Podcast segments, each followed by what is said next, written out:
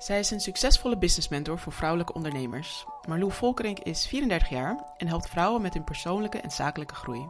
Ik heb het met Marlou over je werktempo aanpassen aan het moederschap, het verschrikkelijke verlies van haar kindje Isalou en waarom ze een betere mentor is sinds ze moeder is geworden. Mama, bij Bea. Ik ben Charisse Promes en ik wil weten, kun je tegenwoordig als vrouw alles hebben? Hoe combineren moderne moeders kinderen met hun professionele dromen? Kijken werkende moeders anders tegen moederschap aan dan thuisblijfmoeders? En wat kunnen jij en ik van ze meenemen? Je hoort het samen met mij in Topmoeders, de podcast. Hey Marlou. Hey, hallo. Hi, superleuk dat je kon spreken.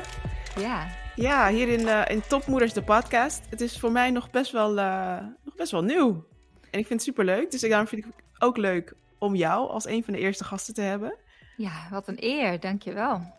Ja, ehm, over topmoeders gesproken. Succesvolle businesscoach. Ehm moeder van eh, een kleine die nog niet eens een jaar is, hè?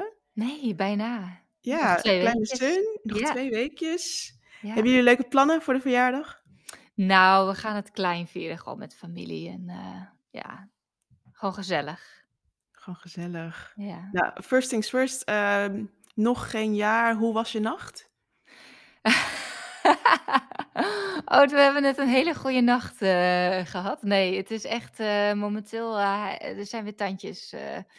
dus mijn nacht was niet zo goed. Maar, nee, ik, mijn nacht was goed. Maar we hebben iets gedaan wat we zeiden, dat gaan we nooit doen. Hij, heeft, hij heeft dus ons ingeslapen.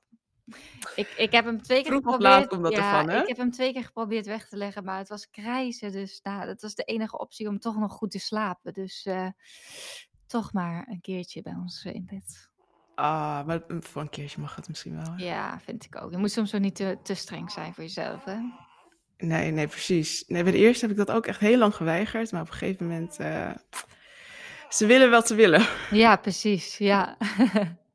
ja, nee, dus het was oké. En we hebben tot eh, tien voor half zeven geslapen. Dus ook best wel weer een keertje lang voor de verandering. Oh, kijk. Oh, dus misschien is dat helemaal nog niet zo'n gek idee tussen jullie in.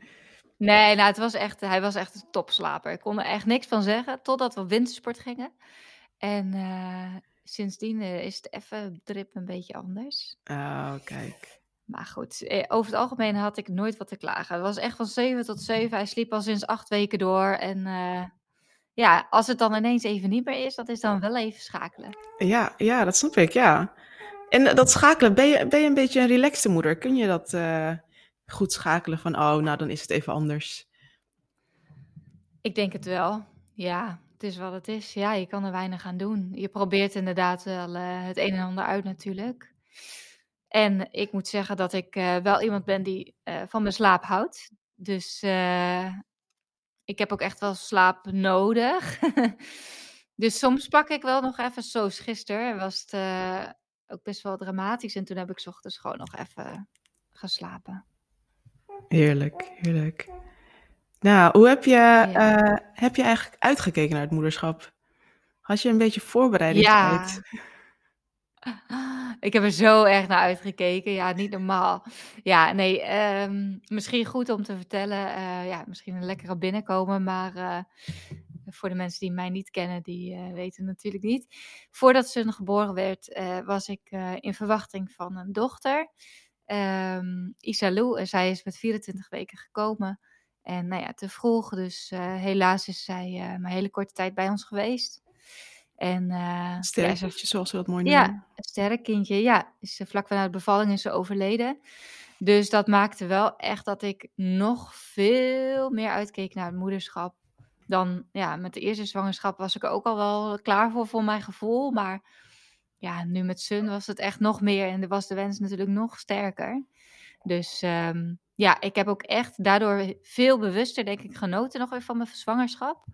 Ondanks dat het natuurlijk ook wel spannend was. Maar ehm, ook echt gezegd van nou, eh, ja, dit is zoiets bijzonders. En ik ga ook echt genieten van mijn verlof. Dus eh, ja, ik heb, eh, ik heb me goed voorbereid. Ik heb ook heel veel tijd genomen om lekker boeken te lezen en zo. Dus ja, ik was er helemaal klaar voor, voor mijn gevoel. Oh, kijk, kijk. Ja, ik weet niet of je tussendoor wat gekreun hoort hoor, maar de kleine ligt hier naast me. Ik hoor hem, ja. Ik hoor hem, ja. Hij vindt het allemaal prima hoor, maar eh, hij laat gewoon van zich horen.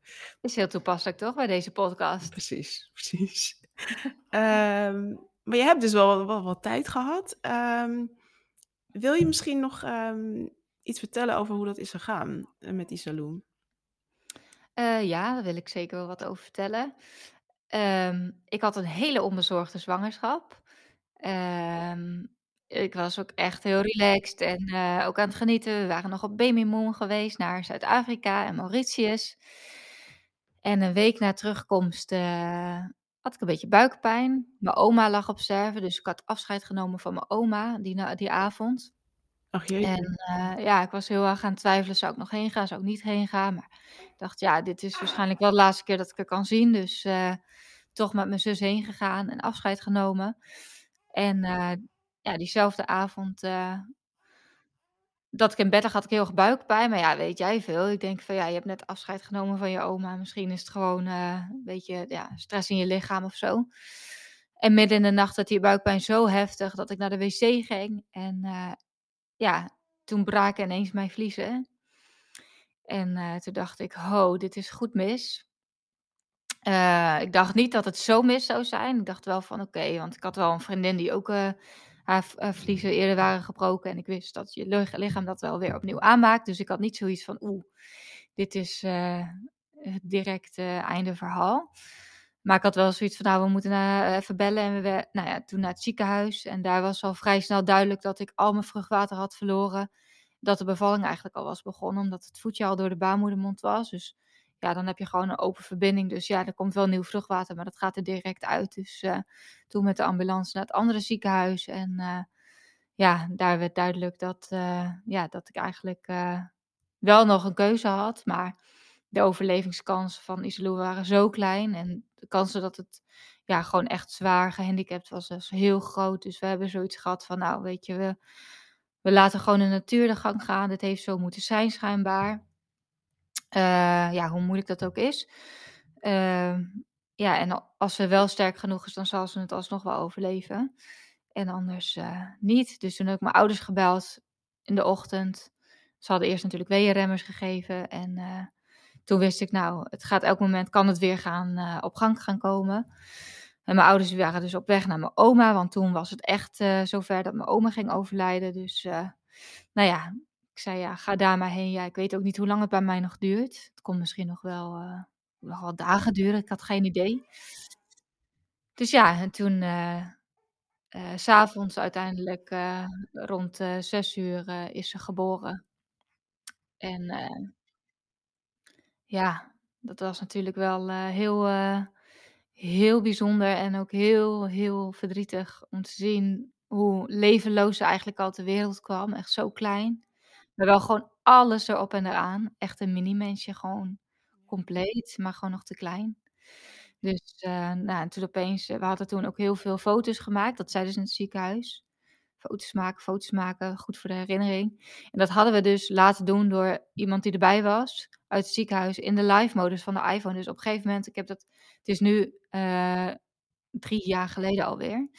Eh, dus laatste 21 januari was drie jaar geleden. Dus toen ging ik ook kijken en toen zag ik ook dat je, dat ik op een gegeven moment ook zei van, oh god, ze leeft nog. Omdat je dan ineens zag ik haar borst nog bewegen. Dus ja, ze leefde wel, maar het was echt nog een paar ademhalingen. En eh, dat was het. Ja. Ja. En dan eh, ga je ineens eh, een paar uur later het ziekenhuis uit met een bakje water. Want dat was wel heel mooi, wateropbaring. Met je kindje erin. Ja. Ja, ja staat je wereld ineens op zijn kop. Dus Ja. eh, ja. Hoe ga Ja, je dus, daarmee, hoe, hoe ga je daarmee om? Ik weet hoe het is om om te gaan met de vreugde van de geboorte ja. van een kind. Maar je hebt tegelijkertijd de komst en het verlies ervan. Ja. Ja, dat is eh, niet te bevatten. Het is zoiets, ja, je komt in zo'n rollercoaster terecht. En je denkt ook echt, ik weet nog dat ik die dag erna werd ik wakker en ik moest ik zo ontzettend huilen. En ik zei echt van, nou, is dit een slechte nachtmerrie geweest? Vertel me alsjeblieft dat het gewoon een droom was. Want, nou ja, dat was dus natuurlijk niet zo. Maar eh, ja, je komt wel in een soort overlevingsmodus, want je moet ineens van alles regelen. Want ja, het is wel gewoon echt een kindje wat begraven of gecremeerd moet worden. Dus je moet ineens een crematie in ons geval dan regelen. Muziek uitzoeken, bedenken hoe groot wil je het, wie wil je erbij hebben. Eh, ja, god. En ze was dus hier nog bij ons, dus we konden wel elke dag nog naar haar kijken in een bakje water, zodat haar lichaam heel mooi bleef. En toen heb ik zelf heb ik nog foto's van haar gemaakt en video's. En ik vind dat zo, ik ben zo blij dat ik dat heb gedaan, want dat is wel heel dierbaar om dan nu terug te zien. En uh, ja, hoe ga je daarmee om? Ja, god. Ja, je doet het wel maar. Ja, je doet het gewoon. Dat is toch ook wel weer bijzonder om te beseffen. Dat je denkt van, ja, je bent toch wel sterker dan je denkt of zo. En komt toch in een soort overlevingsmodus van, uh, ja, wel natuurlijk heel veel huilen. Ik denk dat het ook logisch is. Maar uh, ja, ja, ga door. En daarna, daarna begint het pas eigenlijk echt het uh, verwerken. Ja, want wat ik ook heel sterk van je vind, is dat je heel veel deelt op Instagram eigenlijk over het verlies. Um, en nu is je publiek um, voornamelijk, denk vrouwen, maar ook vooral vrouwen um, die heel veel, uh, die bezig zijn met hun carrière, ambitieuze vrouwen. Ja. ja, wat, wat wil je dat zij daarvan meenemen? Ja, voordat het gebeurde, of toen het gebeurde, had ik geen idee dat het nog kon gebeuren. Je denkt echt, je hebt van die appjes, weet je wel, 24 weken, gefeliciteerd, je kindje is levensvatbaar.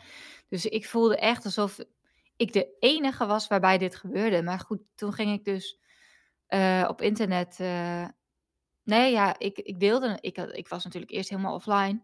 Maar op een gegeven moment ging ik wel op internet zoeken. Toen bleek wel dat het inderdaad vaker gebeurde. En ik had mijn publiek wel, of mijn volgers had ik ook meegenomen in mijn zwangerschap. Ik deelde daar natuurlijk, ik was zo blij dat ik in verwachting was. Um, dus ja, het was, heel, het was voor mij ook geen punt van twijfel om dit te gaan delen dat het mis was gegaan. Ik dacht, ja, dit is nu gebeurd, dus dit is nu ook onderdeel van mijn leven. Dus dit ga ik ook delen. En ik vond het wel heel bijzonder dat ik zoveel steun kreeg ook uit mijn, uit mijn ja, publiek op Instagram. Dus de mensen die me volgen. En ik kreeg echt, werd overladen met berichtjes, briefjes, maar ook hele mooie kaarten en mooie cadeaus. Uh, ik dacht, wauw, wat een liefde en wat een steun. En wat bijzonder dat iedereen zo meeleeft. Maar ook verhalen van mensen die hetzelfde hadden meegemaakt. Of mensen die wel iemand kenden die het hadden meegemaakt. Dus toen dacht ik, ja, dit is, dit is wel iets wat ja, gedeeld mag worden of zo. En ik, ik heb toch heel weinig daarover verhalen zelf kunnen vinden. Wel wat, maar niet superveel. En ik merkte wel door, dat, door er zelf openlijk over te vertellen, kwam ik in gesprek met vrouwen die hetzelfde hadden meegemaakt. En dan ja, is het toch een soort van gedeelde smart is halve smart. dus uh, ja, het voelde wel, ik voelde ook heel sterk dat ik een videootje nog daarover wilde maken en een podcast en uh, met het hele verhaal. En dat is ook gewoon uh, ja, ontstaan. En ik denk, ja, ik hoor nu nog steeds, krijg ik heel vaak berichtjes van vrouwen die zeggen dat ze daar echt heel veel steun uit hebben gehaald. Dus dat vind ik wel heel mooi dat ik dan uh, ja, op die manier ook wel weer iets kan betekenen voor vrouwen die hetzelfde meemaken. Wat fijn, ja. Ja. Nou, in het dagelijks leven ben je um, ook al steun voor vrouwen, maar op een andere manier.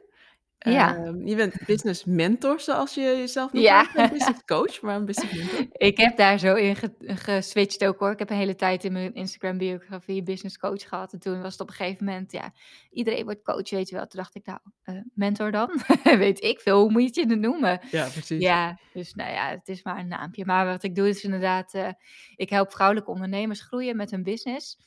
Um, maar niet alleen met hun business, ook wel een stukje persoonlijke ontwikkeling neem ik daar mee. Dus uh, en mindset.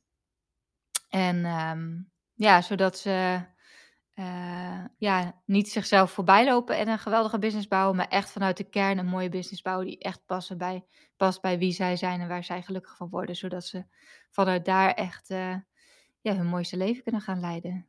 Mooi, mooi. En hoe ziet dan zo'n doorsnee dag ervoor uit voor je? Normaal gesproken, ik begin altijd uh, pas om tien uur. Voor tien uur plan ik geen afspraken in. En um, dan... Uh, Waarom is dat? Nou, dat is eigenlijk al, al nou, nadat Isalou is geboren, ben ik ook veel bewuster gaan leven en veel meer gaan kijken van oké, okay, wie ben ik, hoe wil ik leven, waar word ik gelukkig van, waar krijg ik energie van, wat kost mij energie. Uh, heel veel gaan mediteren, veel meer connectie met mezelf. En voor, toen heb ik echt een ochtendritueel ontwikkeld. En uh, ja, ik stond altijd pas rond half acht uh, of acht uur op. En uh, ja, ik weet niet, dan had ik twee uur de tijd lekker om rustig te wandelen en even te mediteren en te journalen. En dan om tien uur eh, ja, was ik er klaar voor. dus dat was wel Heerlijk. fijn. En gewoon geen apparaat, ook geen telefoon, geen televisie. Dus echt gewoon lekker eh, rustig de ochtend beginnen. Ja, dat doet zoveel met de rest van je dag, met de energie die je de rest van de dag bij je draagt. Dus ja, dat heeft voor mij gewoon echt veel gedaan. Dus dat heb ik eh, nog steeds volgehouden.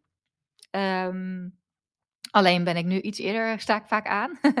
op een andere manier. Maar wel het stukje telefoon en eh, eh, nou, andere apparaten, dus computer en zo, echt niet voor tien uur. Ehm, dus om tien uur begin ik. En dan eh, heb ik meestal eerst eh, een coaching call met een klant van me. Dus eh, soms is het een één op één. Dus ik heb VIP-trajecten van één op één eh, met één op één coaching. Maar ik heb ook groepstrajecten. Ehm, en ik wil eigenlijk heel graag, daar ben ik nu ook mijn agenda op aan het inrichten, dat ik in elk geval nog wel één dag heb zonder coaching. Dus ja, het is vaak eh, coaching en, eh en teammeeting. Dus meestal eh, met mijn online business manager. bespreken we dan, zoals op de maandag, bespreken we dan de week. En wat is er vorige week nog gebeurd, dat moeten we nog bespreken. En zij zet het dan allemaal weer uit bij mijn andere teamleden. En ehm, ja, tussendoor maak ik content, deel ik content via Instagram. Maximaal een half uur per dag zit ik op Instagram. Dus mensen denken soms ook eh, dat ik hele dagen op Instagram zit. Maar daar heb ik ook wel echt eh, heel bewust keuzes in gemaakt. Ehm, dus connect ik met mijn, eh, met mijn klanten en met mijn doelgroep. En maak ik hopelijk inspirerende content. Dus onder andere podcasts. eh, en ben ik bezig met online programma's maken, dat soort dingen. Leuk. Ja, Ja, en dat, dat zien wij dan natuurlijk al op, allemaal op Instagram en YouTube en je podcast. ja. Ehm, maar ik vind het ook wel grappig, want je begon eigenlijk bij je werkzaamheden. En je dag begint volgens mij eh, iets vroeger. Ja, dat klopt. ja, en het is interessant inderdaad. eh, ja, eh, oh, dat kwam, kwam omdat we het inderdaad hadden over wat Op ik je doe werk. voor Ja, mijn ja, werk. klopt. Ja. Ja. ja, maar hoe begint het? Mijn dag met Sun en Jurre natuurlijk. Nou, hij wordt wakker en dan ehm doet hij zijn flesje lekker, zijn eerste flesje bij ons in bed. Dus eh, dat vind ik wel eh, heel relaxed. Gezellig. Ja. Hij, ja, hij pakt zelf zijn fles vast. Dus dan komt hij tussen ons in liggen en dan drinkt hij zo zijn flesje leeg. Nou, toen hij eh, om zeven uur wakker werd, ja, dan begon daarna gewoon de dag. Maar nu is hij dus soms wel wat eerder, dus dan valt hij soms nog wel eventjes tussen ons in slaap. Dat is ook wel heel erg lekker. Is dat En, vijf uur, zes uur? ja, ja, dat was echt een tijdje even vijf uur, dus dat was maar echt te gek. Ehm, en soms zes uur, maar het, schuift nu weer op. Dus het was vanmorgen tien voor half zeven. Kijk. En nou, dan is je daarna wel gewoon wakker. Dus dan staan we op en dan eh, is het, eh, nou ja, niet elke dag, maar eh, is vandaag toevallig dan wel weer even zo'n dag om even lekker te douchen. Meestal gaat hij dan met Jurre douchen. Op mijn mamadag ga ik vaak met hem in bad. Ehm, aankleden en ja, dan mezelf aankleden. ik vind het altijd wel belangrijk om ook gewoon zelf de tijd te nemen om lekker aan te kleden en mijn make-upje op te doen. En eh, Ja. ja, meestal zet ik hem dan gewoon bij me in de badkamer. Dan ja, drentelt hij daar, of dan kruipt hij daar een beetje rond. Eh, of hij gaat vast met Jurre mee naar beneden. En dan, eh, ja, is hij beneden. Dan krijg jij die tijd. Dan heb ik de, ja, echt even rust. En ehm, En je gaat Ja. naar de opvang, hè? Ja, twee dagen per week. Ja, En eh, heb je hem ook één nacht thuis dan? Als je, want je werkt volgens mij drie dagen. ja, Wacht twee dagen heb ik, ja, twee dagen heb ik eh, met hem. En Jurre heeft ook, eh, mijn man heeft ook één dag met hem. Oh ja. Door de week en natuurlijk in het weekend. Ja. Ja. En je had al, eh, voordat we dit gesprek begonnen, eh, had je het al over eh, dat hij het wat moeilijk had op de opvang vandaag. Ja, echt de er allereerste met, keer. eh, nou, wat gebeurt er met dat soort dagen? Dat hij wat moeilijk heeft, dat jij eigenlijk een werkdag hebt gepland vol met eh eh Ja, klantbesprekingen. Nou, wat gebeurt er dan als je wordt gebeld van, hé, hey, eh Sim Ja. gaat het niet redden vandaag? Dan Hoe gaat alles uit mijn agenda. Ja, gezellig. Ach, kijk nou wat een moppie. ja, de luisteraars zien dit natuurlijk niet. Maar ehm, nee, dan, eh, dan alles, eh, leg ik alles neer. En dan eh, ga ik hem ophalen en dan ja, is het schuiven. Maar goed, omdat ik dus wel vrij flexibel, of tenminste, ik plan mijn dagen niet helemaal vol met allemaal calls. Dus ik heb dus meestal twee calls of zo per dag. Dus ehm, ja, dan is het gewoon schuiven. En als ik één dag in de week sowieso geen calls heb, maar echt aan mijn bedrijf werken, dan is er altijd nog ruimte om het dan een keer naar die dag te verschuiven. Dus Dat dat is ook wel fijn. Ja, ja, dus ik ben wel dan degene die hem ophaalt, meestal. Ja, Uh, tenzij ik een keer een draaidag heb of een sprekersklus. Dat gebeurt ook nog wel eens. Maar dat heb ik nu, nu nog niet gehad, dat ik hem dan moest ophalen. Dus, maar vandaag was echt wel echt... Uh, ja, dat was wel echt... Uh, als je het hebt over een rustig begin van je dag... dan was dit geen rustig begin. Want ik, ik breng hem altijd wandelen naar de opvang. Dus dan ehm, hondjes mee. En dan... Het, het, ik heb twee hondjes aan een kinderwagen. En dan... nou, lekker relaxed, weet je wel. Maar vanmorgen was krijzen, krijzen, want zijn tandjes komen door. Er zijn al een aantal door, maar het is nu weer uh, blijkbaar een nieuwe. Dus was ik echt krijzen uit. Echt joh, dat is zo... Uh, oh, dat heeft wel echt Ja, ja. Oh, je voelt gewoon dan die stress door je lijf. Hè? Dus nou ja, ja ze zeiden ook van ja, we kijken wel hoe het gaat. Wij mogen hem geen zetpil geven. Dus anders, als het echt niet gaat, dan bellen we jou. Oh, oké. Oh ja, nou, dat snap ik. Ja. Uh oh. Ja. Nou. Dus, um, we zien het wel. Dus nou ja, ik heb vandaag heb ik wel mijn eigen leefregel overtreden. Want normaal gesproken is dus voor tien uur geen calls. Maar ik dacht wel van ja, ik heb vanmiddag mijn online business managers een week op vakantie geweest. We hebben echt veel bij te praten. En er zijn allemaal sollicitanten voor een nieuwe functie. Dus ik zei tegen haar, joh, anders doen we om negen uur. Dan weet ik zeker dat ik ze nog niet hoef op te halen. Dan uh, is dat wel even handig. Ja. Dus ja. Jeetje, maar het klinkt als heel veel geregeld, toch? Nou ja, als hij, uh, als hij even dan ineens uh, van de opvang opgehaald moet worden, moet je wel even wat regelen, ja. Ja. Maar over het algemeen valt het mee hoor. Gelukkig. Heb je daar, ja. uh, um, ik was wel dat je heel erg had voorbereid op je zwangerschapsverlof, mm -hmm. voordat je wegging. Op welke manier ja. heb je dat gedaan? Voorbereiden op mijn verlof zelf? Oh, zo ja. bedoel je? Ja, ja, ik heb mijn bedrijf babyproof gemaakt. um, ja, nee, dus ik heb uh, toen uh, voor het eerst een online business manager aangenomen voordat ik met verlof ging. Want ik dacht, ja, ik wil echt genieten van mijn verlof. Dus het moet gewoon doordraaien zonder mij. Um, dus ik heb samen met mijn online business manager, uh, ja, voordat ik met verlof ging, heb ik haar aangenomen en heb ik haar goed ingewerkt. Um, ja, en hebben we gewoon een hele, hele planning gemaakt van wat gaat er gebeuren de komende maanden. Uh, wat gaat er nog doorlopen tijdens je verlof en wat staat stil en uh, wie moet wat doen. Want uh, ja, er zijn nog meer mensen in mijn team die dus nou ja, voor mij aan het werk waren. Dus we hebben gewoon alles goed doorgenomen van tevoren. En ja, als er echt iets was, dan mochten ze mij natuurlijk wel eens een keer bellen, maar zo min mogelijk. Ja, wat goed. Ja. En heb je op die manier ook voorbereid, ja. je bedrijf ook voorbereid op het moederschap? Van welk als scenario X, dan gaan we dit doen? Uh, nee, ja, de, natuurlijk tijdens mijn eerste, na mijn eerste bevalling, dat was zo onverwachts. En op zo'n moment dat ik helemaal niet mijn bedrijf al babyproof had voor mijn gevoel. Ik deed toen nog heel veel, uh, ik gaf toen heel veel webinars. Dus live masterclasses en um, uh, ja, daar verkocht ik dan ook trainingen in. Um, en ik had altijd wel zoiets van, ik wil deze, deze masterclass wel een keer uh, uh, evergreen gaan draaien, zoals ze dat noemen. Dus dat het gewoon doordraait en dat je bijvoorbeeld opgenomen webinars gaat draaien, dus niet live. Maar ik had de overtuiging, het, het loopt minder goed als ik het niet live doe. Maar goed, toen werd ik gedwongen. Ik lag in het ziekenhuis en, uh, en, en op die dag daarna stond er een webinar op de planning. Dus toen heb ik tegen degene die mijn advertenties doet gezegd van... joh, draai een replay, want ik ben er niet. Um, en toen heb ik echt mijn allerbeste maand ooit gedraaid. Dus het was echt bizar. Het was zo'n eye-opener voor mij dat ik dacht van... oké, dus ik heb eigenlijk al zoveel vrijheid voor mezelf gecreëerd in mijn business... maar die pak ik niet. Um, dus dat was, ja, dat ben ik nu sowieso heel anders gaan doen. Ik geef bijna nooit meer live uh, masterclasses. Ik heb dat nu al heel lang niet gedaan. Maar dat maakt niet uit. De waarde is natuurlijk hetzelfde.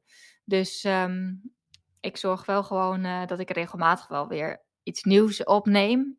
Ja, dan kan ik het gewoon in mijn, in mijn rustige modus opnemen. En dan kan ik het gewoon uh, gebruiken wanneer ik wil. Dus dat is wel heel fijn. Maar goed, anderzijds is mijn bedrijf wel echt veel meer gegroeid nog weer. Dus ik heb nu ook veel meer coachingklanten. Dus ja, als ik nu.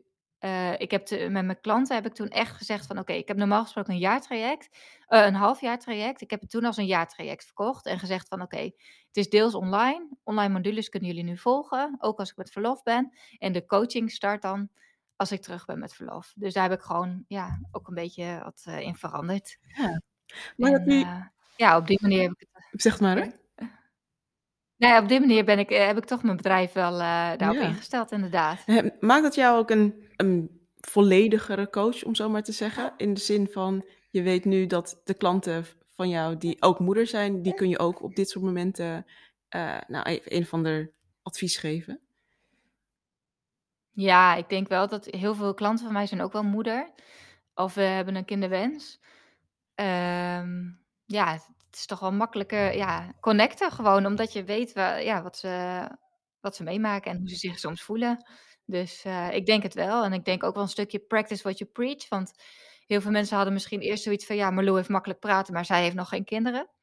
Of Marlou heeft makkelijk praten, want zij heeft nog nooit iets ergs meegemaakt.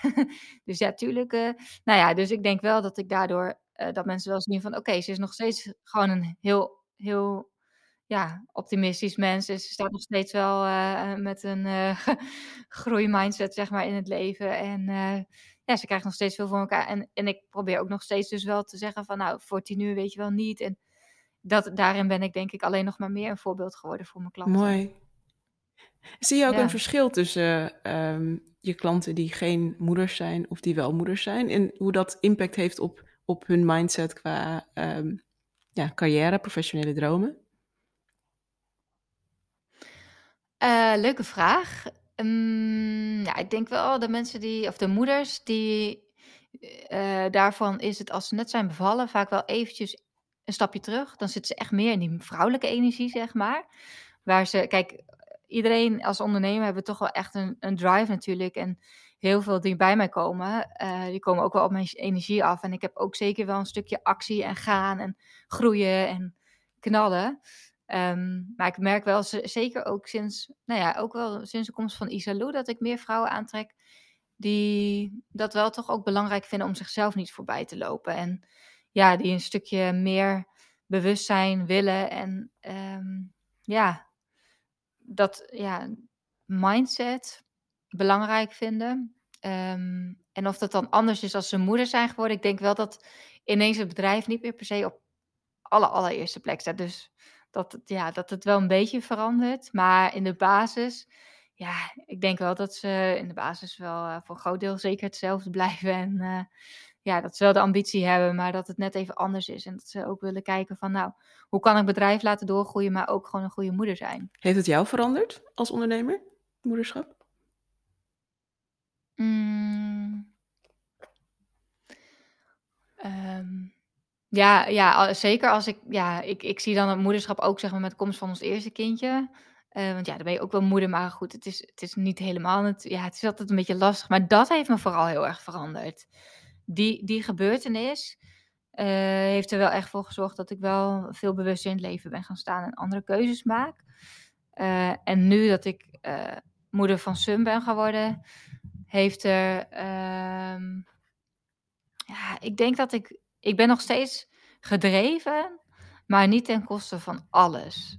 Dus ja, ik wil een succesvol bedrijf bouwen, maar ik heb nu wel sneller zoiets van: oké, nou, het is ook genoeg. Ik heb niet meer de ambitie om een miljoen omzet te draaien of zo. Ik bedoel, eh, ja. Waarom dat, niet? eh, ik- ik- nou, omdat ik denk, ja, word ik daar gelukkiger van? Wat moet ik doen om een miljoen te draaien? Moet ik of meer klanten of nog meer lanceringen? Of, ehm, nou, het gaat er mij om dat ik gewoon een leven kan leiden wat, wat mij gelukkig maakt. En er is meer naast het business stuk. Want ja, alleen maar werken, daar word ik ook niet gelukkig van. Dus ja, en ja, dus in die zin is het wel iets minder. Terwijl als ik misschien geen moeder was geworden, had ik denk ik echt wel die drive gehad. Ik dacht van, dat soort van die streber in mij die denkt van, oké, nou een half miljoen lukt, dan moet een miljoen ook lukken, weet je wel. Ja, Ja. dus het heeft me in die zin ook wel een beetje veranderd als ondernemer. Maar alsnog, ja, wil ik wel gewoon graag goede resultaten halen. En mijn klant ook vooral gewoon heel goed helpen. Maar eh, ik denk wel, ja, dat dat, dat dat wel ook voor een deel is veranderd. Omdat ik ook nu kan zien van, joh, maar je bent ook moeder, weet je wel. Wat is, ik deed al wel veel met eh, bijvoorbeeld kernwaarden, weet je wel, hoe wil je leven en wat, is nou, wat, wat vind je belangrijk. Maar dat het nu als moeder zijn en ik nog meer voel van, oké, ja. En het is ook lastig soms om al die ballen in de lucht te houden. Dus ja, daarin maak je soms ook andere keuzes van, ga ik nu weer een lancering doen of kies ik ervoor om nu even rustiger aan te doen? En uh, echt te genieten, want het gaat zo snel. ja. ja. Wat zijn daarin uh, voor jou de afwegingen van een lancering of nu even rustig aan? Ja, uh, ik, ik onderneem sowieso heel erg vanuit gevoel. Dus um, ik heb nu bijvoorbeeld in januari had ik twee lanceringen. Ik had naast business coach heb ik ook nog een programma waarbij ik vrouwen help om fit en energiek in hun lijf te zitten. Dus dat heet Hello New You en dat hebben we helemaal vernieuwd.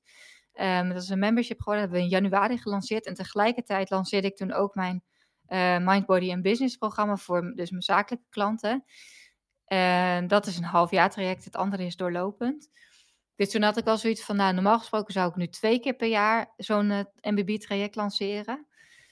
Maar ik denk dat ik hem nu wel maar één keer doe, omdat het toch wel, uh, ja, ik weet niet het is ook, je, je draagt ook, ik ben natuurlijk mee bezig met mijn eigen business, maar in je hoofd ben je ook bezig met die andere bedrijven en die energie van die vrouwen zo hoog mogelijk. Dus je draagt de groep als het ware. Dus om mijn eigen energie goed te kunnen houden, heb ik er nu voor gekozen om dit jaar dit programma maar één keer met uh, groepscoaching te starten. Dus ja, dat, dat soort keuzes maak ik echt vanuit gevoel. Ja. Ja. En um, je had, nou, we zijn er weer twee maanden het nieuwe jaar in. Ehm, maar ik zag wel dat je voor het nieuwe jaar, 2022, een kernwoord had. Namelijk ja. ruimte. Ja. Wat kun je daarover vertellen? Ja, elke jaar aan het begin van het jaar ga ik inderdaad kijken van wat is mijn kernwoord. Um, nou, vorig jaar was dat moeiteloos. Ik wilde dat alles moeiteloos doorliep terwijl ik ook met verlof was en zo. Uh, en nu is dat ruimte, omdat ik merkte dus, ik kwam weer terug. Eerst had ik nog, nou toen, toen net was geboren, toen dacht ik echt, oh, ik wil alleen nog mijn moeder zijn kan mij dat uh, bedrijf schelen. Dat is echt heel bijzonder om te merken. Maar al vrij snel, toen ik weer nou, uit mijn verlof kwam, toen kwam dat uh, vlammetje steeds meer terug. En toen dacht ik, oh ja, en ik wil, ja, wel echt wel weer met mijn klanten. En ik kreeg er echt weer plezier in. En nieuwe programma's. Um, dus wat er wel voor zorgde, omdat ik dus nu maar drie dagen werk, ja, heb je toch een dag minder. Ik wil graag een dag ik doe ook dingen zoals. Kijk, ik vind selfcare ook belangrijk. Dus ik vind het ook belangrijk dat je ook gewoon goed voor jezelf blijft zorgen. Dat je nog lekker een keer naar de schoonheidssalon gaat. Of een massage boekt. Weet ik veel. Uh, een dag met een vriendin eventjes weggaat. Dus, en dat soort dingen plan ik dus nu vaak ook wel op de dagen dat ik ze niet heb. Dus op mijn werkdagen. Dus effectief blijft er dan ineens toch wel veel minder tijd. Ik, ik werk geen 24 uur en ik begin natuurlijk pas om 10 uur, echt met mijn afspraken. En ik wil maar twee calls per dag. Maar goed, dat werkt op een gegeven moment niet meer. Dus ik zag mijn agenda volstromen. Dus de afgelopen tijd had ik echt, ja, was ik alleen maar met mijn klanten bezig. En um, had ik geen, heel weinig ruimte om echt aan mijn business te werken. Maar ook om te creëren, om weer nieuwe programma's en meer podcasts, dat soort dingen. Dus toen voelde ik wel van oké, wacht, ik mag wel echt een stapje terug doen. 2022 wordt toch meer ruimte. En ik geloof er echt in. Vanuit die ruimte ontstaan er juist weer mooie dingen. Want ik kan nu ervoor kiezen ja, om inderdaad twee trajecten te doen. En nog meer klanten. En uh, op die manier echt te groeien. Maar ja, ik weet niet. Dat voelt ook niet goed. Omdat ik juist die ruimte en vrijheid is ook echt een belangrijke kernwaarde van mij. Dus ja, om die vrijheid ook te kunnen ervaren, heb ik ook ruimte nodig om te kunnen creëren. En uh, ja, om ook rust te pakken. Juist soms even een stapje terug doen. En vanuit daar ontstaan er juist weer vele mooie dingen. Omdat je ook meer ja, die connectie met jezelf hebt, zeg maar. Veel beter kan voelen. Ja, wat wil ik nu eigenlijk? En waar word ik gelukkig van? En wat kan ik mijn, klant, wat, ja, wat kan ik mijn klanten bieden? En hoe kan ik hun op een zo goed mogelijke manier helpen? Dus uh, ja, ruimte voor 2022. En dat is mooi, want, want elke keer kun je dan dus, het hele jaar kun je dan teruggrijpen naar dat kernwoord. Dat je denkt van, oké, wat was ook alweer mijn kernwoord? Ruimte. Heb ik momenteel ruimte? Uh, genoeg? En dat is een ruimte in alle vlakken. Hè? Dat is ook, uh, ja, uh, nou, ruimte in mijn team weer voor een nieuw teamlid, maar ook dus echt optimaliseren. Geen ruimte meer voor technisch geneuzel. ruimte om uh, ja, ook gewoon met vriendinnen leuke dingen te doen, weekendjes weg te gaan, ruimte om misschien zelf weer een keer twee maanden in het buitenland te bivakeren. Dus dat is op alle vlakken en dat vind ik wel heel fijn om dan ook gedurende dit jaar gewoon regelmatig te kunnen kijken van oké, hoe zit dat nu eigenlijk met het kernwoord en leef ik nog ja, hoe ik wil leven. Mooi, mooi. Ja, ik, moest, ik, vond het wel grappig, want ik moest eraan denken van, oh ja, eigenlijk heb ik dat stiekem ook voor mezelf gedaan. Ik heb dit begin van dit jaar dacht ik, ik wil gewoon heel veel plezier hebben in alles wat ik doe. En als het niet meer plezierig voelt, dan moet het anders. Dan ja, moet het misschien niet. Ehm, dus ik dacht van, oh ja, dat is inderdaad eh, ja, iets wat heel veel houvast geeft. Zo van, Ja, ben ik nu wel aan het doen? Ben ik nu aan het leven zoals ik het wil? Ja, precies. En eh, ja, misschien stellen we onszelf die vraag niet vaak genoeg. Nee, We gewoon maar doorgaan en, eh, precies, ja. en niet denken van, oké, wat is op dit moment eigenlijk belangrijk? Ja. Ja, regelmatig even een incheckmomentje en een reflectiemomentje is zeker belangrijk. Ja, ik vroeg me af of je ook zo'n kernwoord hebt voor het moederschap. Je hebt nu net een jaar achter de rug, bijna. Ja, ja. Dat is wel een goede vraag. Ik heb geen kernwoord voor het moederschap. Ik heb wel heel bewust, eh, samen met Jurre hebben we wel, eh, eh, zijn we intentioneel het ouderschap ingegaan, denk ik. Dat is ook altijd wat ik, ja, dus het is eigenlijk een soort van intentie zetten. Hè? Dus dat het is wel wat ik, ja, met, met zo'n kernwoord ook doe, met, met alles, ook met calls met klanten, maar ook, ook met het moederschap. Dus we hebben, ehm, ik heb hem hier even toevallig erbij gepakt. Ik heb hier een notebook. En we zijn gaan zitten zo van, oké, wat verwachten wij van het ouderschap en hoe willen wij het ouderschap ervaren? Het is leuk om het op te schrijven, zodat we ook kunnen terugblikken van, oké, ja, want ja, laten we heel eerlijk zijn. Je kan je er wel een beetje een beeld van maken hoe het is om moeder te worden, maar toch niet helemaal. Er zijn toch wel dingen dat je denkt van, oh ja, oké. Nou, wat ik, wat ik net zei, dat hij toch eh, een keer bij ons tussen ons insliep. Ja, dat eh, van tevoren kun je heel leuk bedenken, dat gaan we echt niet doen. Maar ja, soms eh, zijn er wel dingen die niet, eh, ja, die toch anders lopen. Dus, dus ik heb geen kernwoord voor het moederschap eh, van tevoren, maar wel dus intenties gezet van hoe willen wij het ouderschap ervaren. Ja, wat, waren een van- wat was een van de belangrijkste intentie? Ehm, nou ja, sowieso. boekje openen. Ja, ik hoef hier het boekje eigenlijk niet voor te openen, want het belangrijkste is wel dat wij gewoon relaxed ouders zouden zijn. En dat is ook echt wat wij heel veel hebben teruggekregen van eh, vrienden. Die zeggen, jullie zijn zulke relaxte ouders. Dat is echt, eh, ja, dat- ja. En dat is grappig, want mensen zeggen, nou ja, het lijkt alsof het bij jullie soms vanzelf gaat, of dat dingen altijd heel makkelijk gaan. En daarom was ik ook wel, nou ja, het klinkt heel gek. Ik was niet blij natuurlijk dat, dat, het zoiets, dat ons zoiets verdrietigs is overkomen als je kindje verliezen. Maar Ehm, ja, dat, dat zet wel een soort van mensen aan het denken van oké, eh, dus het gaat ook niet allemaal vanzelf. Dus ja, het heeft ook wel echt wel degelijk te maken met hoe zij in het leven staat. En ja, ik denk ook zeker dus hoe je mindset is. Dus ehm, ja, we hadden wel eh, verwacht dat het eh, ook gewoon echt super mooi zou zijn, het moederschap en het ouderschap. dat, ik, ik zie hier, eh, eh, eh, ja, we zullen verliefd zijn, zoveel liefde en knuffels gaan geven. Eh, nou, dat ik een goede moeder zou zijn. En, en ik had ook ge- gezegd dat jullie een goede vader zou zijn. Eh, dat we geen ruzie gaan maken op, over de opvoeding, omdat we op één lijn liggen, bijvoorbeeld als eh, verwachting. En hoe gaat die? Ja, eigenlijk wel goed. We liggen echt best wel op één lijn. We zijn wel echt een team. En ehm, ja, daar ben ik echt wel tevreden over. Maar goed, het hele echte opvoeden, het echte opvoeden, dat begint nu eigenlijk een beetje natuurlijk, nu die gaat kruipen. En eh, ja, dat dingen gaat pakken waarvan je denkt, ja, hier niet aan zitten, weet je wel. Dus ja, daar kan ik nog niet echt uitspraak over doen. Kom Ehm, nog. ja, ja, maar over het algemeen liggen we echt wel op één lijn. Nou, wat fijn. Ja, Ik pak heel even... eh, Ik ga deze sowieso even anders positioneren. Ja. Volgens mij Ja, heb ik mijn haar eruit getrokken. Nou, je kunt er wel, je kunt toch wel wat haar missen. Je hebt zo'n mooi bos Ja. haar. Gelukkig. Nou, zo na de zwangerschap merk ik wel, oh ja, het komt er wel eh, iets meer uit dan normaal, hè? Ja, hè? Oh god, ja. Dat had ik dus al na de eerste zwangerschap. Ja. Dus eh, ik maakte mijn borst al nat. Het is wel inderdaad ook wel, maar wel iets minder voor mijn gevoel. Wat ik zo mooi vond aan, eh, aan wat jij doet, dus vrouwen behelpen met hun business, is eh, ehm, volgens mij, ik heb het idee dat moeders daar vooral vaak aan gaan denken van, van hey, zal ik een eigen business starten? Eh, op het moment dat ze dus kinderen krijgen, op het moment dat ze moeder worden, ehm, voor die vrijheid. Is dat iets wat jij merkt bij je klanten? Of hoeveel van, je, van je, de vrouwen die eh, bij jouw klant zijn, zijn eigenlijk moeder? Is dat qua percentage? Oh, dat is wel een hele goede vraag. Dat weet ik eigenlijk niet precies. Ehm, ik denk. Dat niet precies hoor, maar... Ja, god, 70% of zo misschien? Ja? Oh, dat is Ja. toch wel een groot, overgroot gedeelte. Ja, ik denk het wel. Ik denk ook wel dat het is verschoven. 60, 70, ja. Ik zou eens een keer, het is een leuke vraag. Ik zou eens een keer eventjes moeten gaan eh, kijken inderdaad. Pollen. Maar, maar het zijn vaak wel, ja, ja. Ehm, ze zijn vaak wel al begonnen met hun business hoor. Niet per se omdat ze moeder zijn geworden dat ze denken, oké, nu ga ik een eigen bedrijf starten. Nee, precies. Dus, Dus niet, meer dat het- per se eh, die, eh, die drang. Nee, nee. Dus, en dat is ook wel mijn doelgroep. Er zijn vaak wel ondernemers die al eventjes bezig zijn.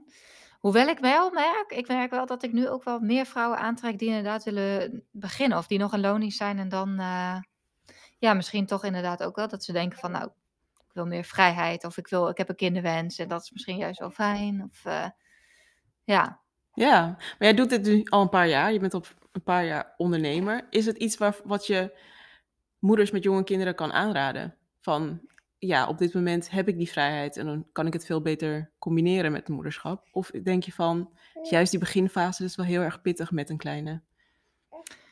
Ja, ik moet eerlijk zeggen, ik ben al ruim tien jaar ondernemer, dus ik weet ook niet meer zo heel goed hoe het is om in loondienst te zijn. Maar ik zou, ik zou het echt, ja, ik vind het echt een hele fijne combinatie. Ja, ik zou het zeker mensen aanraden. Maar ja, niet iedereen natuurlijk, niet iedereen is eh, gemaakt voor het ondernemerschap. Er zijn ook mensen die denken, ik heb ook een vriendin.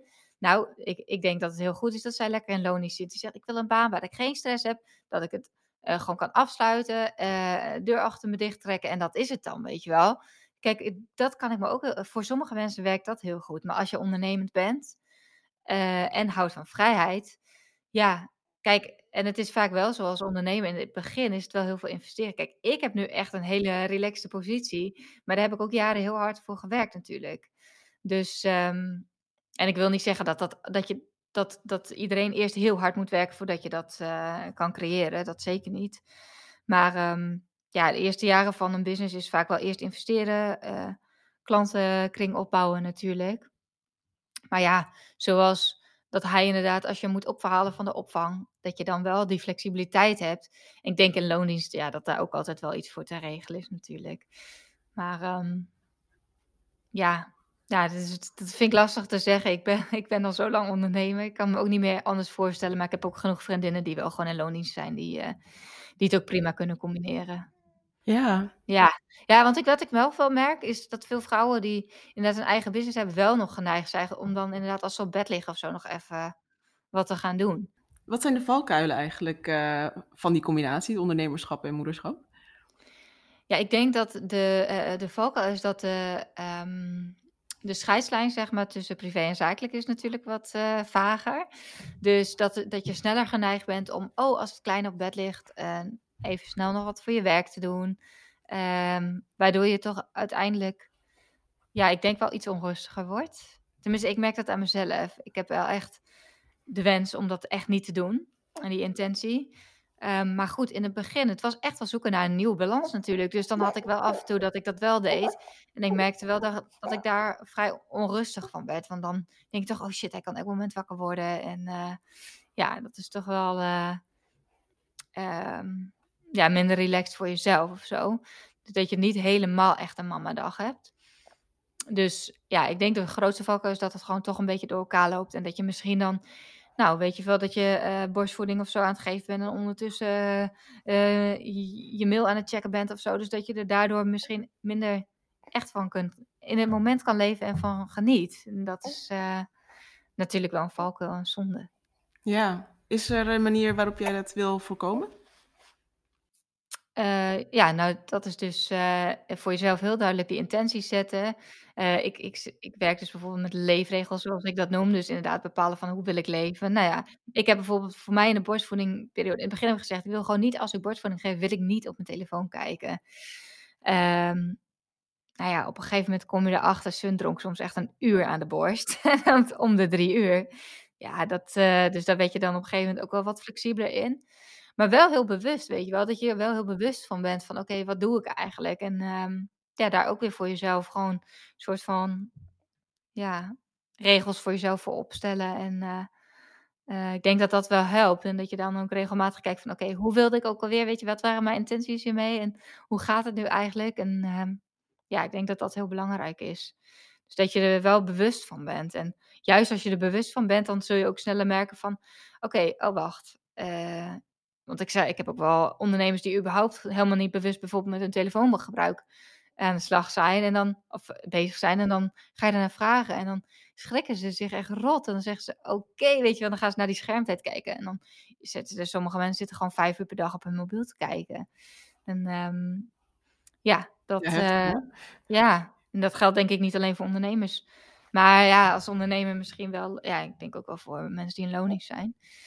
Dus ehm, ja, dus eh, op die manier denk ik wel dat je het eh, voor een deel kan voorkomen. Dat je er gewoon heel bewust, intentioneel afspraken met jezelf over maakt. Ja, en dat, dat hoor ik eigenlijk overal terug. In, Ja. eh, het gewoon dat je heel erg bewust bezig bent nou, met je ondernemerschap, met het moederschap, ook met zwangerschap. De aanloop Ja. naar je bedrijf even op pauze zetten of even overhandigen aan, eh, aan iemand anders eigenlijk voor een paar maanden. Ja, Het is gewoon heel, ehm, gewoon de voorbereiding en het bewustzijn bij wat wil ik nou eigenlijk precies. ja. Ja. Ehm, ik wil met je afsluiten met een paar vragen. mhm. Ehm, snelle vragen. En één daarvan is: eh, wat is je grootste mother Oftewel je meest onaangename verrassing van het moederschap? Nou, dat waren wel de darmkrampjes. Waarom heeft niemand mij verteld dat dat zo intens kan zijn? En dat ze daar zoveel last van hebben. Ik dacht echt toen Sun was geboren, nou, we hebben de meest relaxte baby ever. En dit is zo relaxed. En, en toen eh, ineens kwamen die krampjes. Nou, ik heb echt uren met hem rondgelopen. En eh, ja, dat vond ik heftig. Dat was wel dat ik, eh, ja, dat was mijn grootste motherfucker. Ja, ach jeetje, jij kunt niks doen, hè? Nee, Het is maar gewoon Nee. troosten en hopen dat het snel voorbij gaat. ja. Ach jeetje. Was jij dan degene die, eh, die met hem rondliep? Hebben jullie afgebeeld? Nee hoor, nee, nee, nee, allebei, allebei. Alleen Jurre ging natuurlijk alweer eerder aan het werk, dus dan, eh, ik weet nog wel een keer dat ik met een vriendin ging wandelen. Nou, dachten we, oh leuk, weet je wel, allebei ongeveer dezelfde leeftijd, een babytje en eh, met die kinderwagen zo samen. Ik was zo blij dat ik eindelijk ook achter een kinderwagen kon lopen, weet je wel. Dat ik niet de mo- moeder was zonder kindje die, die daar naast liep zonder wagen. Dus dat was echt iets waar ik naar uitkeek. En dan liep ik met die vriendin te wandelen en nou, Sun moest alleen maar huilen, huilen, huilen. En dan kun je gewoon geen gesprek voeren. Dat, eh, ja, nee, dat, dat, is wel, dat, dat doet gewoon echt iets intern met je systeem, zeg maar. Het staat echt op stress. En eh, ja, instinctief denk je alleen maar, och, ik wil wat doen, ik wil wat doen, maar je kan niks doen. Nee. En ik, oh, dat was echt zo erg trouwens, want toen was het een hete zomerdag. Maar ik dacht, ja, ik ga niet opgeven, weet je wel. Dus toen hebben we hobbelpaadjes genomen. En nou, op een gegeven moment ging het weer goed. Toen was hij weer rustiger. En toen gingen we dus stilstaan. Toen wilden we even een fotootje maken van die twee kleintjes naast elkaar in die wagen. Nou, dat stilstaan was funest. Dus toen begon hij weer. En toen kon ik kiezen of ik ga hier linksaf, dan heb ik een kortere route naar huis. Of ik ga rechtdoor, dan heb ik nog een iets langere wandeling. En dan kan ik ja, nog even langer met haar gewoon kletsen. En... Maar goed, toen was hij dus weer. En toen koos ik toch voor de langere route. En het was echt de slechtste keuze ever. Uiteindelijk ben ik met hem beland eh, in een weiland eh, zonder bomen. Heb ik hem daar borstvoeding gegeven in een gloeihete zon. Met, eh, nou ja, die hondjes waren er natuurlijk ook nog. Dus die, ach, het was echt. Maar ik dacht, dit is mijn enige. Ik kon niet meer. Ik, ik had echt al anderhalf uur met haar gewandeld met een krijzende baby. Ik denk, dit, dit moet stoppen nu. Dus dat Ach, was echt eh, jeetje. heftig, ja. Maar goed, dat gelukkig komt aan alles een einde. Dus eh, toen hij eenmaal naar de opvang ging, eh, was dat ook weer, weer aardig voorbij. Ja. Is het dan toch die ondernemers doorzettingsvermogen zo van... ik moet dit laten werken, wat dat misschien niet helemaal werkt voor het moederschap? Ja, misschien wel, ja. Ja, dat zou best wel kunnen, ja. Ja, En een ander, eh, het tweede is, wat is je breekijzer? Waar breek je van als moeder? Ja nou, dat vond ik wel echt... eh, ja, als hij echt... Als hij heel erg pijn heeft en je kan niks doen... Ja, dat vind ik zo zielig. Ik merk echt dat dat een verschil is tussen mannen en vrouwen. Jurre, die, mijn eh, man, die, eh, ja, die kan dan toch wel heel rustig blijven. Het is niet dat ik dan helemaal gestrest en helemaal gebroken ben. Maar ik heb wel een keer inderdaad in het begin toen Jurre alweer aan het werk was. En nou, dan moet ik ook zeggen, dat was ook al eh, intensief, omdat hij, we hadden toen een investeringspand gekocht en hij ging elk weekend klussen. Dus toen was ik elk weekend ook alleen met Sun. En, en dan uren was hij aan het huilen. En ik, eerst het gewoon, toen heb ik echt al een keer mee zitten huilen, ja. Toen ben ik echt wel een keer gebroken. Ja. Ach, jeetje. Ja, maar dat kan je Ja. ook niet meer. Nee, en dan zit je nog zo met die hormonen. Dus ja, dat was toen even een breekmomentje. Ja. Ja. En tot slot, ehm, wanneer verdiende je voor het laatste Mom of the Year Award? Dus een moment waarvan je dacht, nou, dat heb ik wel even geflikt. Nou, dat is dan toch wel tijdens eh, de begin borstvoedingperiode. Eh, ook een kwestie van doorzetten. Ik had een dubbele borstontsteking. Ik lag echt eh, te eilen in mijn bed met 40 graden koorts. En ik moest eigenlijk wel naar het ziekenhuis, maar vanwege corona en eh, alles eh, kon ik daar niet terecht. En toen hebben we nog wel langer ook kraamzorg gehad. En die heeft ook slecht geslapen omdat ze zich zo zorgen maakte om mij. Maar toen heb ik toch doorgezet. En uiteindelijk, nou ja, ik wil niet zeggen dat iedereen dat moet doen hoor. Absoluut niet. Maar ik vond, ik had zo uitgekeken naar de borstvoeding, zeg maar. Ik vond het zo'n mo- mooi momentje. En ook zo'n ja, een momentje dat je zo bewust kan genieten. Dus toen heb ik doorgezet. Uiteindelijk is er nog een keer een borstontsteking bijna gekomen. Eh, ja, toen, toen had ik wel de Mother of the Year award verdiend, vind ik zelf. Ja. Ja. Ja, dat, eh, Oh, dat is niet niks. nee. Hoe, eh, hoe, hoe ging dat toen met de borstvoeding? Is het voor de rest goed verlopen? Ja, uiteindelijk heb ik iets van een half jaar of zo eh, borstvoeding gegeven. Ehm, ja, dat ging verder gewoon helemaal goed. Het duurde alleen vrij lang. Maar ja, daardoor had ik wel elke keer heel lang een mooi momentje, een bewust momentje voor mezelf en met zijn Sun. Ja, ik heb er wel echt heel erg van genoten. En ehm, ik moet ook eerlijk zeggen dat ik niet van tevoren had gedacht dat dat zoveel tijd in beslag kon nemen. Ik weet nog de Ja. eerste vraag die ik aan mijn vriendin, mijn beste vriendin stelde toen die was geboren met die borstvoeding. Dat ik zei van, die drie uur hè, ehm, tussen de voeding in, gaat dat in vanaf het moment dat die klaar is? Of vanaf het moment dat je begint met voeden?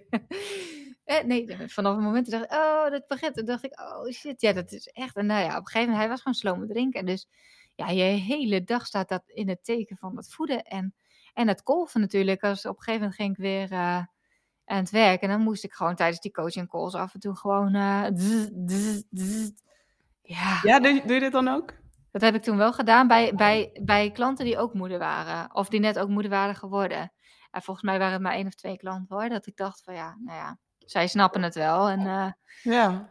Ja, en dat ging wel goed ook. Want ik weet nog wel dat de klant toen tegen mij zei dat het gewoon bij jou doorgaat nu. Ik Ja, echt wel, ik moet wel rustig zijn, weet je wel. Maar Ja, eh, precies.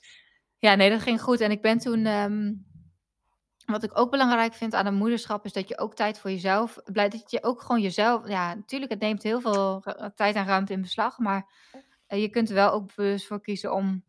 Ja, ook nog wel af en toe een nachtje of een weekendje of een weekje weg te gaan met een vriendin bijvoorbeeld. En dat heb ik toen gedaan in september. En toen was ze een half jaar. En toen ben ik met een vriendin eh, naar Portugal gegaan. Op kitesurfkamp. Dat was een spontaan idee van haar. En ik, eh, nou ja, ik had nog nooit gekitesurfd. Maar ik dacht, nou, we laten we het proberen. Eh, gezellig. Gaan we En doen. dan meteen een kamp. Ja, nou ja, dat klinkt heel erg kamperig, maar het was meer een retreat. Het was echt wel een luxe hotel en alles op en aan. En yoga was er ook en dat was iets wat mij ook over de streep trok. Dat ik dacht, oh wat lekker, dan kan ik de hele week lekker yoga en zo. Ehm, maar goed, toen heb ik ook in die week heb ik nog gekolfd, elke keer. Maar ik dacht wel, ik probeer het, maar als het stopt, dan is dit gewoon einde borstvoeding en dat is dan zo, weet je, dan is het ook oké. Ja. Dus eh, ik daar in de vriezer en alles weer mee teruggenomen. En oh, ja. Sun had natuurlijk een week geen borstvoeding gehad. Dus eh, die was er daarna wel klaar mee. Die dacht, dat flesje gaat me wel lekker snel. Terwijl we toen ook al wel deels deden hoor. Op een gegeven moment was ik wel al gaan afbouwen. Deed ik niet meer volledig borstvoeding. Nee. Dus ehm, ja, dat... eh, eh, Zo. ja. En dat was wel lekker. Ik was wel heel blij dat ik het heb gedaan. Jurre is nu ook laatst een week op wintersport geweest met vrienden. Het is ook mooi om een week zo alleen met je kind te kunnen zijn. Ondanks dat het ook pittig is. Maar eh, ja, ik weet niet. Dat maakt je ook weer, eh, dat je nog weer bewuster het ervaart of zo. Ja. Wat kun je dan, eh, je had het over die, eh, die uurlange voeding. ehm, en ook nou, samen alleen zijn met je kindje zonder je partner. Zijn dat momenten waar je wel aan kan overgeven? Dat je eigenlijk dat niet productief zijn? Ja, ja, zeker. Ja, dat kan ik nu wel. Maar ik ben wel dus ondertussen nog weer geswitcht. Da- daarom was het in het begin wel iets lastiger van online business manager. En een online business manager is vooral de belangrijkste rol in mijn bedrijf. Dus die moet alles weten. Dus dat was heel veel inwerktijd, zeg maar. En nu is zij ingewerkt. En nu merk ik ook wel dat ik op de dagen dat ik vrij ben, eh, ja, dat ik minder vragen krijg. En dat ik soms wel, ja, dat ik nu ook wel kan zeggen, jongens, ik ben vrij. Eh, ik wil gewoon nu met Sun zijn. En eh, ja, dat, dat gaat nu echt steeds beter. En ja, ik kan daar echt wel echt van genieten. En dat ik ook gewoon een normaal boek kan pakken in plaats van bijvoorbeeld een boek wat gaat over persoonlijke ontwikkeling. Of, want ja, dat vind ik gewoon echt zo leuk, omdat ik dat ook natuurlijk met mijn klanten altijd in mijn coaching trajecten verwerk. Maar nu kan ik ook gewoon rustig weer een keer een gewoon leeshoek en het echt even afschakelen. Ik denk dat dat ook heel belangrijk is. Ja. Zeker. Dankjewel Marlou voor al je advies aan alle topmoeders die jullie luisteren. Ja, graag gedaan. ja, en uh, nou, ik wens je gewoon heel veel uh, plezier. ga lekker genieten van Sun. Ja, dat gaat helemaal goed komen. Dankjewel. Is er ook, uh, hoe kunnen mensen jou het beste volgen? Ehm, nou, ze kunnen mij op Instagram vinden, Marlou Volkering met een V. Um, ja, en uh, en hellonewyu.nl. Leuk. En de websites. Dankjewel. Ja, graag gedaan. Omdat Marlou zelfstandig ondernemer is, besef ik natuurlijk dat niet iedereen zo flexibel kan zijn op het werk als zij. Maar ook voor je 9 tot 5 gaf Marlou gouden tips.